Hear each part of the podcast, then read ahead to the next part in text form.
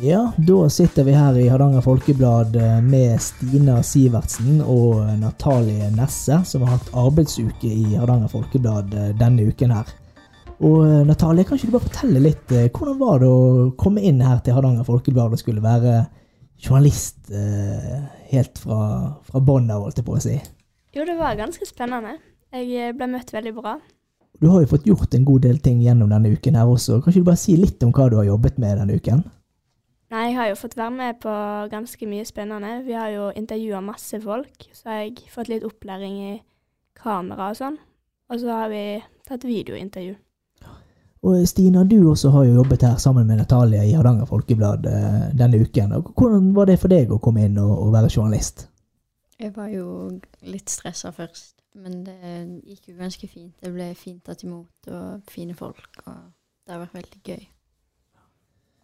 Og så er det jo eh, Det var jo én sak da, som vi diskuterte i, i løpet av, eh, av, uken der, som, som, plutselig dukket opp. Eh, og det var jo Stortinget som vedtok plutselig på tirsdag at det skal være 16 års aldersgrense på salg av energidrikk.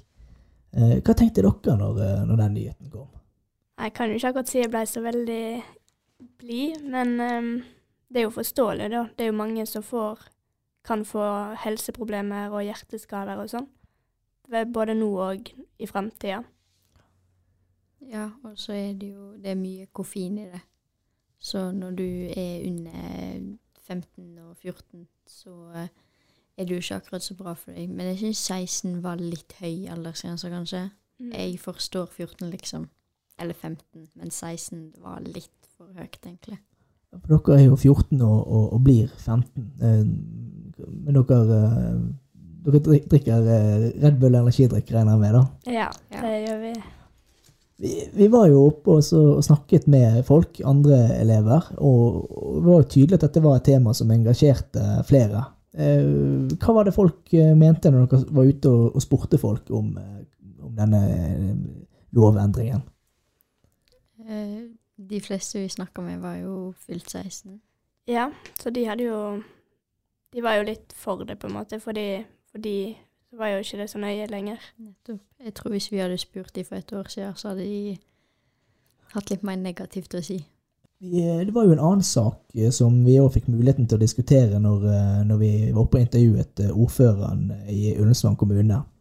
Og det handlet jo litt om tilbudet til, til yngre etter skoletid. Hvordan syns dere det tilbudet er i dag, når dere er ferdig på skolen? Er det ting å finne på i år da? Nei, jeg syns det er veldig lite tilbud i kommunen. Det er ikke så masse som å gjøre eller skje eller være. Det er liksom Vi bare går rundt i Odda. Uten noe særlig tilbud. Hvordan opplever du det, Stina? Det er jo ganske kjedelig på vinteren og høsten. Når det er snø og vått og kaldt, så er jo ikke det så altfor behagelig. Og eh, varmeste stedet vi har på vinteren, er jo busstasjonen eller hjemme hos hverandre. Men det er ikke alltid like populært. Hva kunne dere ønske dere uh, for tilbud uh, som kunne gjøre at dere i hvert fall hadde ett sted å, å, være eller noe å gjøre på? Ja, kanskje et sted i uh, sentrum. Liksom en kafé eller noe, eller bare et sted å henge, liksom. Som er i nærheten av butikkene. Og, og det blir jo satt sammen noe på eie nå, på videregående, men du når du har gått hjem fra skolen, så vil du jo liksom ikke tilbake på skolen. Altså liksom Du går på skole på dagtid og, og har alle fagene og gjør alt, og så når fritiden kommer, så skal du være på skole da? Ja, nettopp. Det blir Og så er det jo ikke eie vi er. Vi er jo mest nede i sentrum, så det hadde vært mer logisk hvis det ble åpna noe nede i sentrum. Ja. Og så går det jo ikke så ofte busser. Dette var et tema som, eh, som dere intervjuet ordføreren om. Hva, han, kunne han love noe eh, endring på dette? Ja, han kunne ikke love noe. Nei, Han snakka vel mest om den åpne skolen. Og så var det litt vanskelig å få tak i én ting til, for da hadde det blitt litt konkurrenter, eller konkurranse med det, da. Ja, og da hadde det blitt litt uh, dumt. Ja. ja. Altså, at det blir for mange tilbud for de yngre, det er liksom det dumte. dumt, det. Nei, det er ikke det. Det er liksom Det var et eller annet om at han ikke ville Jeg vil ikke overstyre, eller liksom, Ja, at det liksom, den ene skulle ta over, eh, ta over markedet for den andre. Ja. Mm. Eh, Men en annen sak som vi òg diskuterte litt eh, på, på et morgenmøte, og som vi òg lagde intervjuer og saker på, Natalie, det var jo veiene i, i Hardanger og området som vi bor i. Eh, Hvordan er det for deg å komme deg til jobb og skole? Du, du bor jo i Skare. Ja, eh, jeg bor jo i Skaria, og jeg må jo Eller jeg kjører jo ikke, men jeg tar jo bussen og blir kjørt ned forbi Låtefoss og Hildal og Sandvin og der, og det er jo ikke så veldig populært å kjøre der om høsten, og spesielt høsten og våren. For det er veldig rasfarlig, og om sommeren er det fullt av turister som går midt i veien med Låtefoss. Og du ser jo om og om igjen at det skjer ras og trafikkulykker og alt mulig rart. Fins det noen, noen løsninger på, på, på dette, her da, eller? Nei, vi snakka jo Eller jeg snakka jo med ordføreren om det nå i går, og han sa at de hadde holdt på med et prosjekt siden 2007 eller 2008, der de skal prøve å skaffe tunnel gjennom Hildal til Låtefoss, og så videre gjennom.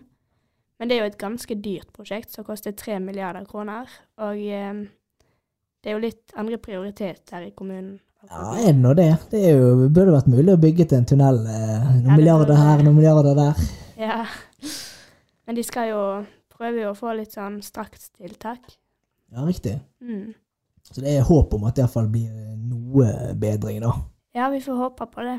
Ja, ja det, det får vi håpe på. Da eh, tror jeg at vi eh, får ta og avslutte her fra podkastrommet vårt. Det var veldig hyggelig å, ha dere med, Stina og Natalia. Og for dere som hører på, så kan dere lese mer av artiklene til Stine og Natalie på hardangerfolkeblad.no. Og forhåpentligvis er det ikke det siste vi ser av disse to i eh, lokalavisen Hardanger Folkeblad.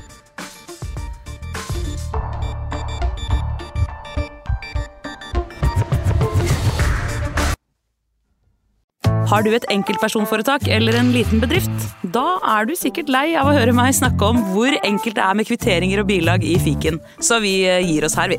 Fordi vi liker enkelt. Fiken superenkelt regnskap.